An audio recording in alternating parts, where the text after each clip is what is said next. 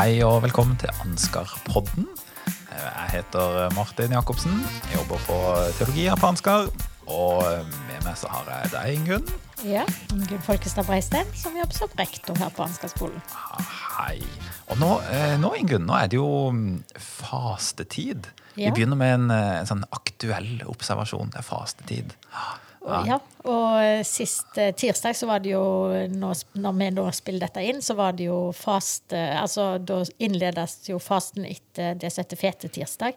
Men vi har vært litt dårlige til det her på Ansgar-skolen fordi vi hadde så mye å feire. Så da har vi hatt kaker både den ene og den andre dagen. Så jeg tror vi må si vi går litt sånn langsomt inn i fastetiden. Ja, ja. Til nå har det vært en veldig behagelig fastetid. Ja. Ja. Det er altså et minne fra eh, Jeg tror det var min første vår på Ansgar-skolen.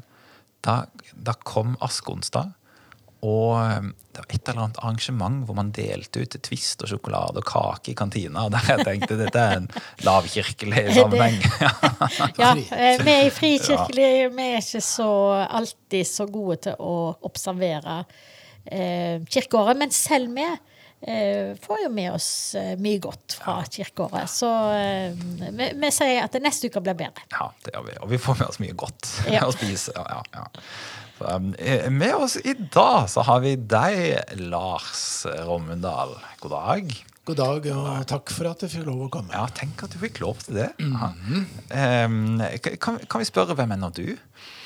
Ja, Det er et vanskelig spørsmål. Jeg er pensjonist for noen år siden, men får lov til å jobbe fortsatt. Eh, Jeg har jo vært eh, her på skolen i jeg holdt på å si all evighet, det var litt sterkt, men eh, i 35 år. Og før det så Eller før det. Jeg var jo student her i til sammen tre og et halvt år. Da på gamle Ansgar-skolen på Vettakollen i Oslo. Så det er mange Ansgar-år i mitt liv. det er det. Og du har hatt mange roller her på Ansgar-skolen nå. Og veldig mange roller. Jeg har vært, jeg har lært, vært lærervikar, og jeg har vært uh, vanlig lærer, og høyskolelektor, og inspektør og rektor, og litt av hvert. ja. Ja, så det er en, et godt stykke Ansgar-historie Ja, som, det- eh, det som vil du jeg Ja. Um, og vi har med oss deg i dag um, uh, for å snakke om menighetsutvikling. Um, og det, det er noe du har jobba lenge med og masse med. Men um, før vi går inn på det, uh, uh, hva var det som gjorde at du ble så interessert i det temaet? Menighetsutvikling. Eh, Det er jo et interessant spørsmål. Jeg holdt på å si jeg er født som menighetsutvikler, men det er jo litt sterkt sagt. Men jeg vokste opp i ei lita bygd oppe i Telemarken, og, og i en pinsemenighet av alt på denne jord. Og vokste opp med Korsets seier på stuebordet og, og ordinært vanlig menighetsarbeid. Uh, og det, det der har jeg tenkt på i, når jeg er blitt gammel, holdt jeg på å si. At det, det har gjort noe med mitt syn på ting, og på kirke og menighet, faktisk. At jeg har den oppveksten. Eh, jeg blir en bevisst kristen i tenårene og flytter til Oslo. Og er ett år i Norea Radio som eh, hjelpegutt. Satt mye i studio, eh, som dette her. Og, og gjorde en jobb der. Og mens jeg var der, så ble jeg spurt om å være med på søndagsskolen i en liten menighet på Majorstua, som heter Majorstua misjonsmenighet. Og det var på mange måter min vei inn i menighets, aktivt menighetsarbeid. Og menighetsutvikling også, for søndagsskolearbeid er jo en, en del av det. Og så ble det Ansgar eh, teologiske seminar etter hvert, og andre studier. Pastor i denne menigheten på Majorstua i åtte år. Eh, og så var jeg lærer i videregående skole noen år, og så ble jeg kalt tilbake til Ansgar-skolen mens den fremdeles lå på Vettakollen. Og så har det blitt mange skoleår. Eh, men på forunderlig vis så har det jo vært menighet som har vært eh, det meste av mitt liv utenom det, ved siden av familien. da. Eh, så har jeg vært vanlig menighetsmedlem og formann i menighet, og litt av hvert. Og så fikk jeg anledning til, etter å ha undervist i mange mange år, primært i Nytestamentet og troslære, eller dogmatikk, så fikk jeg anledning til å ta et, eh, et, eh, en, eh, et, et forskningsprosjekt eh, innenfor praktisk teologi og innenfor menighetsutvikling. Å undersøke to menigheter, en folkekirkemenighet i Kristiansand og en frikirkelig menighet en annen plass på Sørlandet. om hvordan de bruker det jeg kalte da menighetsutviklende konsepter for å utvikle menigheten. Det var veldig aktuelt for en 10-15 år siden, og det har vel falt litt interessen for det der nå, men det var veldig aktuelt akkurat da. Mm. det var spennende. Det er jo et veldig spennende prosjekt. Og før du sier noe mer om det, kan, hva er egentlig menighetsutvikling? Er det det samme som menighetsvekst, eh, som ble brukt mye på 80-tallet? Eller hva er det egentlig eh, for de som hører på, kanskje ikke vet det, egentlig? Nei, men det, det, er et godt spørsmål. Og min veileder på Menighetsfakultetet, jeg da tok uh, doktorgraden min uh, i menighetsutvikling, han har en definisjon. Uh, han heter for øvrig Harald Hegstad. Og han har en definisjon som handler på at menighetsutvikling er å utvikle menigheten til den er, og det den er kalt til å være. Og det, det er egentlig en en veldig god definisjon. Eh, for menigheten har jo et kall fra Gud. Menigheten er jo noe, ifølge Nytestamentet, ifølge Bibelen. Den er Kristi kropp, den er åndens tempel, eh, sendt til denne verden osv. Eh, men det er ikke alltid at vi tar det der på alvor. Altså, ofte, ofte, så utvikler jo menigheter til noe annet enn det de faktisk er. Så det er liksom det er, det er, noe viktig i den måten å, å, se menighetsutvikling på. I praksis så er det jo slik at uh, når vi skal utvikle menigheter, så bruker vi verktøy fra uh, organisasjonsliv, uh, fra, fra ledelsesteori osv. Um, så vi bruker på en måte verslig verktøy for å utvikle disse menighetene da, som er, er skapt av Den hellige ånd og en, en åndelig størrelse. Så det er liksom en en litt kompleks og vanskelig sak, det der. Men eh, det vi eh, har funnet ut, det er at vi, med, vi som har jobba en del med dette her, det er at vi, vi med frimodighet lærer de studentene som vi også har her på masterstudiet, der vi spesielt jobber med dette, um, i eh, organisasjonsverktøy. Altså for å utvikle menigheter. Strategiarbeid, Eh, strukturere på en god måte, lede på en god måte osv. osv. Vi, vi tror det, eh, det er viktig, faktisk. Ja. Når, du, når, du, sier at menighetsutvikling handler om å gjøre menigheten til det han er til for å være og skapt for å være, ja. så kan man jo tenke at ja, altså, hva, hva, skal man gjøre i menigheten? da? Man skal det bønn og lovsang og preken og sånt. Um, og så sier du at også bruker vi sånn um, verdslige bøker om organisasjon og sånt. Mm -hmm. Så eh, det vil kanskje si at menighetsutvikling handler om å utvikle mer enn bare den åndelige biten? Ja, det, det gjør jo det. Eh, det vi bruker, det, det, i hvert fall som jeg bruker å si, det er at, eh, at menigheten har jo en dobbelthet. Den er, vi er jo vanlige mennesker av kjøtt og blod som er i disse menighetene våre som skal fungere sammen. og Derfor trenger vi både psykologisk innsikt og organisatorisk innsikt og uh, god lederskapshåndtering uh, og alt det der. Uh, og vi er relasjonelle, og der trenger vi veldig mange av disse verktøyene. Men samtidig så, så, må vi ha respekt for at menigheten som du sier, er en åndsskapsstørrelse. Der, der det er andre verktøy som er framme. Det snakkes om nådegaver, det snakkes om bønn osv. Og, eh, og dette, dette, må vi få til å henge sammen, og det er en ganske komplisert øvelse faktisk, å tenke disse to dimensjonene, som vi ofte kaller det, sammen.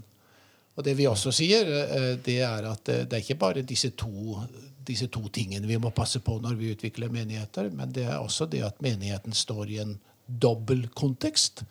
Nemlig en historisk kontekst, liksom tilbake i tid Eh, noen tilhører kirkesamfunn som går tilbake på siste halvdel av 1800-tallet. Eh, som Misjonskirka Norge, f.eks. 1884. Fredrik Fransson som en sentral figur. Vi har en tradisjon, vi har en historie. Den enkelte menighet har det samme. Og så er det kirker som mener at de står i tradisjon helt tilbake. Det er aposteltiden. ikke sant? Eh, så det er massevis av historie og tradisjon som, som er en, på mange måter en ressurs for oss, og som vi i hvert fall i frikirkeligheten eh, i for liten grad bruker som ressurs. Eh, mange av disse, disse flotte tingene som ligger der i historien. Og så er det en samtidskontekst. Er den andre siden av det. da. Det å bli, bli kommunisere med mennesker i dag, det å å være tilpassa kulturen på en måte som gjør at folk får lyst til å komme på gudstjenestene våre. Sang og musikk som fenger litt i nåtiden, osv. osv. Mm. Og der må det vel ofte være en liten spenning, på et vis, mellom historien og tiden man står i nå? Ja, da, for den er jo ikke helt eh, lik som det var for 100 år siden? eller? Det er helt riktig. Det er noen, noen eh, Jeg har hørt om menigheter som, eh, som mener at hvis de lager en, en menighet som ser ut som den gjorde på 50-tallet, Eh, altså 1950-tallet snakker vi om da. Det er liksom urmenigheten. Det, er, det, var sånn det var, og det er sånn det alltid skal altså, være. 50-tallet var en bra tid? Da. Ja, det var en bra tid. Det, det, var min eh, oppveksttid, det, så det, var helt klart en god tid. Nei, men ellers så er det en spenning, ja. Og eh, veldig mange menigheter, i hvert fall i frikirkeligheten, prøver jo å unngå den spenningen med å tilpasse seg så mye at de de, ja, disse kirkelige Altså disse tradisjonelle verdiene. Mm. Altså liturgiene og, og, praksisene som har fulgt Den kristne kirke gjennom århundrer, eh, blir litt tilsidesatt. Og så er det bare popmusikk og og uh, moderne preken holdt jeg på å si, som dominerer. Og Det er en måte å unngå spenningen på. Uh, det som jeg taler varmt for, det er jo at vi, vi, har en jobb å gjøre, i hvert fall i frikirkelige menigheter, og det er å gjenoppdage en del av de verdiene som vi har nettopp bakover i historien. At ikke uh, tradisjon er, skal, er med på å ødelegge for oss. Eh, men tvert imot kan være en ressurs for oss i menighetsutviklende arbeid. For så er det mange menigheter som, som oppdager at nattværen kan være en sånn ressurs. Og jeg, det finnes menigheter innenfor Misjonskirken Norge som, som, har begynt å feire nattvær fast i hver gudstjeneste hver søndag, f.eks. Uh, og få inn litt andre liturgiske elementer i gudstjenesten som virker veldig positivt. Eh. Og positivt menighetsbyggende og utviklende, faktisk. Men jeg tenkte litt på eh, når du sier disse verktøyene dere bruker i menighetsutvikling. da. Hva, hva, tenker du er forskjellen på menighetsutvikling og en type sånn New Public Management? Altså Hvis vi bare legger så godt til rette som vi kan liksom i gudstjenesten. Hvis alt er strømlinjeforma, da vil Gud komme. Hvis vi bare bygger det på rett måte. Uh, ja, ja om, om, vi, om, de påstår, de som er mest ivrige på det der at Gud vil komme, det er jeg litt usikker på. Men de, de håper jo at mennesket vil komme og bli tiltrukket. Uh, og det, det, er nok riktig. I Malmö så var det jo en kar som heter Petterson, eller hva det var, som bygde en menighet. sånn pop helt pop, eh, topp moderne popmenighet. Eh, som fikk jo massevis eh, av mennesker som gikk der. Og det var, det var en helt moderne menighet. Med, med, alt på plass av denne type ting. Så fant jo Petterson ut at han han skulle hente inn litt av denne verktøykassa fra, fra historien og ta i bruk den. Så han, eh, han, innførte jo mange liturgiske elementer i gudstjenesten. Og eh, underveis der så mista de halvparten av medlemmene sine. Uh, så, så, det er ikke det, det, det, det, å tiltrekke folk er jo det som ofte trigger uh, menigheter til å gå den veien. Eh, men eh, du spurte vel Ingunn om dette med liksom at Gud skulle komme. Og, eh, og, det er vel mest relevant å snakke om i forbindelse med sånn moderne lovsangsmusikk. Uh, eller mm. lovsangs... Opplegg. Eh, for der har en ofte kobla dette på en teologi om, at, eh, om Guds nærvær i forbindelse med, med lovsangen. Og der, eh, der, er det jo mye å si om den type teologisk tenkning, da. Mm. Hva, hva, ånden i forhold til, til menigheten og, og, fellesskapet er jo en ting som Martin kunne si mye om, for han er jo systematisk teolog. Ja, Um, og det, det, er mange interessante ting her. Altså, en, en ting som du sant, indirekte sier om um, når menigheten skal utvikle og, og bli det han er kalt til å være, um, så handler kanskje ikke det bare om å samle masse folk. Så, så, kanskje menigheten da kan på et vis vokse ved å bli litt færre. Ja. Altså at det, det er en en vekst ikke i tall, men i innhold, på et vis. Ja. Um, da kan jeg tenke, da kan historien av og til lære oss noe. Uh, jeg kan jo ikke så mye kirkehistorie som deg, Ingunn, men av og til kan jeg tenke Martin, Martin. Altså, Hvor smart tror du at du er som ikke trenger hjelp fra disse store stjernene som har levd før og tenkt så mye klokt? Uh, her, uh, her, har det, her har det gått noen før deg som man har mye å lære av. Ja, det, det, er jo ett aspekt ved det. Jeg holder nå på å jobbe litt med apostlenes gjerninger. og, og eh, forhold, kan du si, forholdet mellom eh, evangeliet og kirken. Eh, og det er jo evangeliet som er den store sak for kirka. Det er det budskapet vi har fått om Jesus. Og det at Jesus er midt iblant oss, og at Jesus selv er til stede i samlingen av de troende. Og, og det er jo det som det er jo det som er viktig for en menighet å ta vare på og videreformidle. Det er jo innholdet i det vi holder på med, det evangeliet. Og i forbindelse med dette med vekst så står det jo i apostelens gjerninger at, uh, at flere ganger, iallfall tre ganger, og så er det gjentastet noen ganger utover det, at ordet vokste. Mm. Og ordet er jo budskapet. Det er evangeliet som vokste. Mm. Og vi er jo vant til at jo, men det er jo menigheten som vokste. Og det, det står det vitnesbyrd om i, i Apostlenes gjerning at, at, den første menighet også gjorde. Det ble Disiplene ble mange etter hvert. Mm. Eh, men det er ordet som vokser. Og det er vekt på det. Mm. Eh, og ordet fikk makt, står det.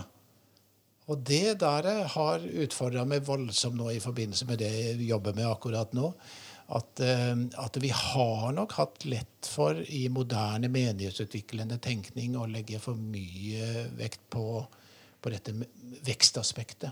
Mm. At det måler suksess, måler at eh, menigheter ut fra om de vokser eller ikke vokser.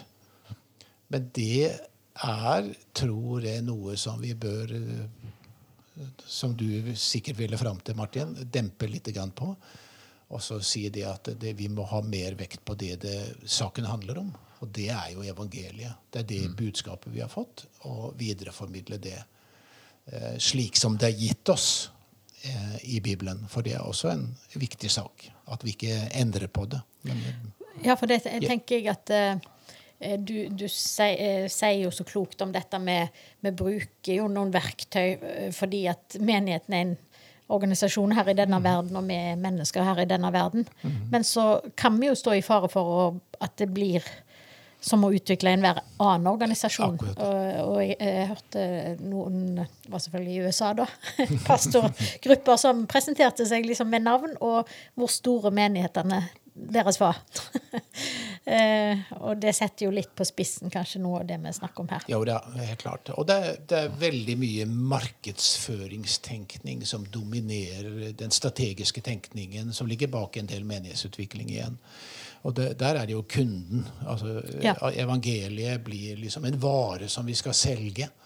Mm. Eh, og så er det mekanismene som fungerer i et marked, som, som det blir lagt vekt på. Og veldig mye av moderne strategisk tenkning eh, er jo bygd opp rundt denne ideologien eller denne tenkningen. Eh, og, og jeg har nettopp nå bladd i boka til Eddie Gibbs igjen. Han som ble professor etter McAveren på, på Fuller i kirkevekst. Og han har skrevet en bok eh, som kom ut for ja, det er faktisk over 20 år siden. Tida går fort. Som heter Church Next. Og der har han et veldig kritisk kapittel nettopp om, eh, om eh, hvordan denne moderne markedsføringstenkningen har styrt veldig mye menighetsutviklende arbeid. Mm. og utgangspunktet er jo USA, da, for det han skriver. Primært USA, men det er veldig aktuelt for oss alle, faktisk. I, i Vesten, i hvert fall. Ja, Det høres nesten ut som en sånn sekularisering av kirka. Ligger veldig nærme, og det er det som er veldig alvorlig. Mm. Og, og, skal jeg bidra noe mer nå når jeg har runda 70, og vel så det, eh, på dette feltet, så er det nettopp eh, på dette området med å med å være med på å minne menighetsledere, kirkeledere eh, og oss vanlige kristne på eh, at eh, vi må passe på at vi ikke mister evangeliet midt oppi dette her. At vi blir så opptatt av disse verktøyene og virkemidlene og alt det andre at vi glemmer at det er jo evangeliet det handler om, egentlig. Og hvordan vi håndterer det. Vi må ha menigheter som gir ordet vekstmuligheter. Altså budskapet, evangeliet, vekstmuligheter. Mm. I, I, hele ditt eh, Altså, du har jo vært i skole. Det er jo Ansgar-skolen da stort sett som har vært din arbeidsplass hele livet, men du har jo også alltid eh, vært aktiv i menighet og prøvd å koble disse to sammen. Men du har jo også bl.a. bygga opp et, eh, et, masterstudium her på Ansgar-skolen.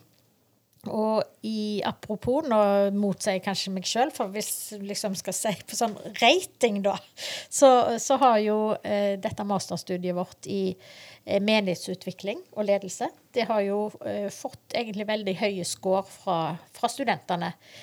Eh, hva, hva, har du liksom hva vært, jeg, jeg, jeg, tror ikke du har gjort dette for å få gode score, men, men, hva tror du har gjort at veldig mange har søkt seg til dette studiet, og at de er veldig fornøyd med det?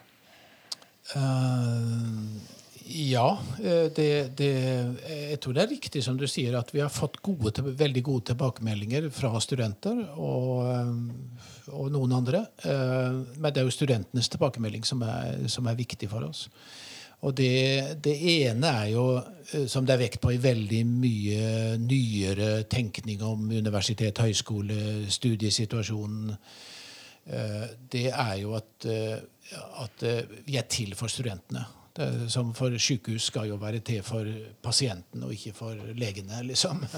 Og vi skal være til for studentene og ikke for oss sjøl. Mm. Eh, så eh, min kongstanke veldig tidlig når vi starta opp med dette masterstudiet for nærmere 15 år siden, det var jo at eh, nå må vi sette fokus på studentene. Og veldig mange av studentene på masterprogrammet vårt, som heter Master i ledelse og menighetsutvikling, Eh, er jo mennesker som kommer fra aktiv tjeneste i menighet og organisasjonsliv. Eh, de aller fleste kommer jo derfra. Og, og de har en krevende livssituasjon eh, med at de jobber fullt, veldig mange av de. I tillegg er det mange yngre folk som har familier. Eh, så vi må være på for å hjelpe de så godt vi kan. Og da bestemte jeg tidlig at eh, jeg skulle være veldig på hugget til å jeg skulle være ekspeditt uh, i mitt møte med studentene. og uh, Aldri la det gå mer enn en dag før jeg svarte på en mail osv. Så videre, så Sånne småting som kan vise at de er verdifulle, at vi setter pris på dem. Og så er det holdningen vi har til å, uh, så vi møter dem med. Og så er det en ting til som vi må si, og det er at det, dette masterprogrammet et, har et interessant opplegg, i og med at er, det er en samarbeidsmaster der vi som eh, Eh, som eh, hva heter det, eksamensgivende institusjon. Eh, samarbeider med Høgskolen for ledelse og teologi i Oslo. Den skolen som pinsevenner og baptister driver sammen. Og så samarbeider vi med en skole i Sverige som heter Ørebro teologiske høgskola. heter det vel på svensk. som har veldig mange dyktige Alle disse skolene har jo veldig mange dyktige folk på praktisk teologi og på ledelse, menighetsutvikling osv. Og, så og, og, det får vi jo tilbakemelding om, at eh, de som vi bruker som forelesere, de, de, de er dyktige faglig sett. Det er jo én ting som må være på plass. Men så er de også engasjert i kirke og menighet. Altså de, de, de lever der. Altså, vi, vi har jo folk som er halvtid pastorer i, i menigheter og halvtid akademikere, for å si det sånn. Jobber i, på disse skolene. Um, og en unik og god kombinasjon for å bringe sammen kirke og menighet. Og det er jo, det er jo nettopp i det spenningsfeltet vi, vi lever med denne masteren. Uh, det er et akademisk studie. Det er en disiplinretta hva heter det, master. Altså ikke en prøv... Må du hjelpe, Martin? Det er en, uh, en, en master som, som er krevende. Mm. Ja, og det, er jo um, et akademisk studium, men, uh, men praktisk retta inn mot ja. praksisfeltet. Ja, det er det. Og, og, og, i spenningen mellom kirke og menighet. Akademia og eklesia, om du vil. Ja. Og, og, uh, siden du har utvikla denne masteren altså du kunne jo utvikla mange ulike typer master. Du kunne lagd master i kirkehistorie eller i Nytestamentet, ja, ja. gresk. Eller, ja. Men, eh, men altså, hvorfor akkurat en sånn her type master? Nei, det, det, skal jeg ikke ta æren for å øh, være den eneste som har påvirka det. Men, øh, men, øh, vi prøvde Vi fikk jo først godkjenning på, en mastergodkjenning på, på bibelvitenskap. Eller én master i kristendomskunnskap med ett spor som var bibelvitenskap, og ett spor som var praktisk teologi. Så fikk vi beskjed fra NOKUT at vi måtte spisse inn den der praktisk-teologiske masteren. Eh, så da ble det ledelse og menighetsutvikling. Og vi var liksom litt tvunget til å liksom velge et spor. Og i vår tid, men dette kan Ingunn si mer om, så, så, er det jo kanskje åpent for heller å åpne opp disse masterløpene litt mer igjen. Så vi kunne kanskje kalt det master i praktisk teologi, eller bare eh, master i teologi til og med i dag. Men det ja. Vet ikke om det er interessant å snakke om. I så fall så må Ingunn si litt om det. Ja, men uh, jeg tenker sånn som det du sa, at uh, det, det, var, det, ble ikke da en erfaringsbasert master. Det var det det men var, ja. Var, det, er en disiplinbasert, men tilrettelagt for folk som er i jobb. Det var de riktige begrepene. Ja. Det var de jeg lette etter. Mm. Ja. Men jeg tenker, Lars, du, sånn som Martin sier, du kunne jo hatt fokusert på mange forskjellige ting. Men, men hva vil du si, liksom, hva har vært drivkraften din mm. i det du har holdt på med på skolen alle disse årene? For du har gjort mange forskjellige ting. Men hva har vært drivkraften din? Eh, ja, det er jo et godt og litt, litt ransakende spørsmål. Eh, det er nok eh, Det er nok Antageligvis så ligger det en, en, et kall, eller hva det er for noe, til å være med på å utruste mennesker til tjeneste eh, som ligger bak det. Eh, og det kan jo gjøres på mange måter, men, men mitt løp ble jo da litt akademisk. Eller jeg, jeg, tok en utdanning som gjorde at jeg kvalifiserte meg for, for uh, undervisning i videregående skole primært. Men så ble det jo Ansgar og teologi som ble hovedsporet. Men jeg er jo ikke teolog i bunnen, jeg er jo filolog i bunnen. så Det bruker du å si når det kommer vanskelig kompliserte teologiske spørsmål. Så sier jeg ikke teolog. Så det må jeg overlate til dere som er teologer, da. Eh, men det er nok det med å være med på å utruste mennesker til tjeneste i Guds rike. Og så det med, med liksom hvor krevende det er å være en kirkelig leder i vår tid. Eh, og det, det da har jeg liksom alltid tenkt at uh, skal det være en, en, en troverdig kirkelig tjener, uh, leder i vår tid, uh, så krever det kunnskap og innsikt. Ikke bare om Bibelen, men også om samfunnet, om historien, den tid vi lever i, osv. Så, så, videre. så, så det er liksom en, en større ting enn bare å kunne sin bibel. Eh, og derfor er også da eh, teologi og andre typer kunnskapsfelt som, som kan være viktig. Um, så det er, vel, det er, vel, noe av det. Mm.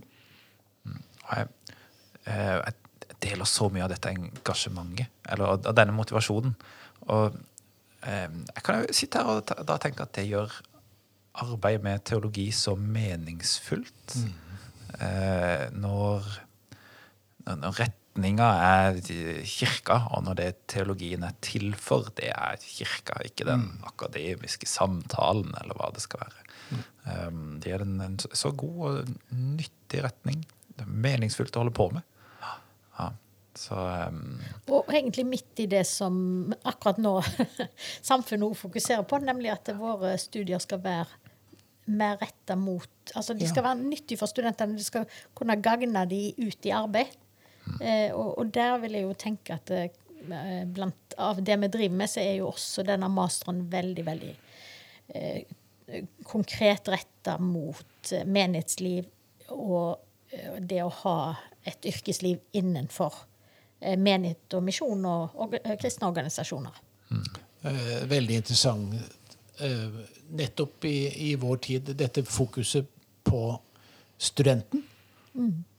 og det er veldig fokus der. Når- vi har hatt besøk av NOKUT i det siste, så er jo det en hovedsak. Det er Ja. hvordan studentene har det, hvordan de opplever studiet, gjennomstrømming eh, i de ulike studieretningene osv. Og, så og dette med eh, relevans da for yrkesliv. Mm.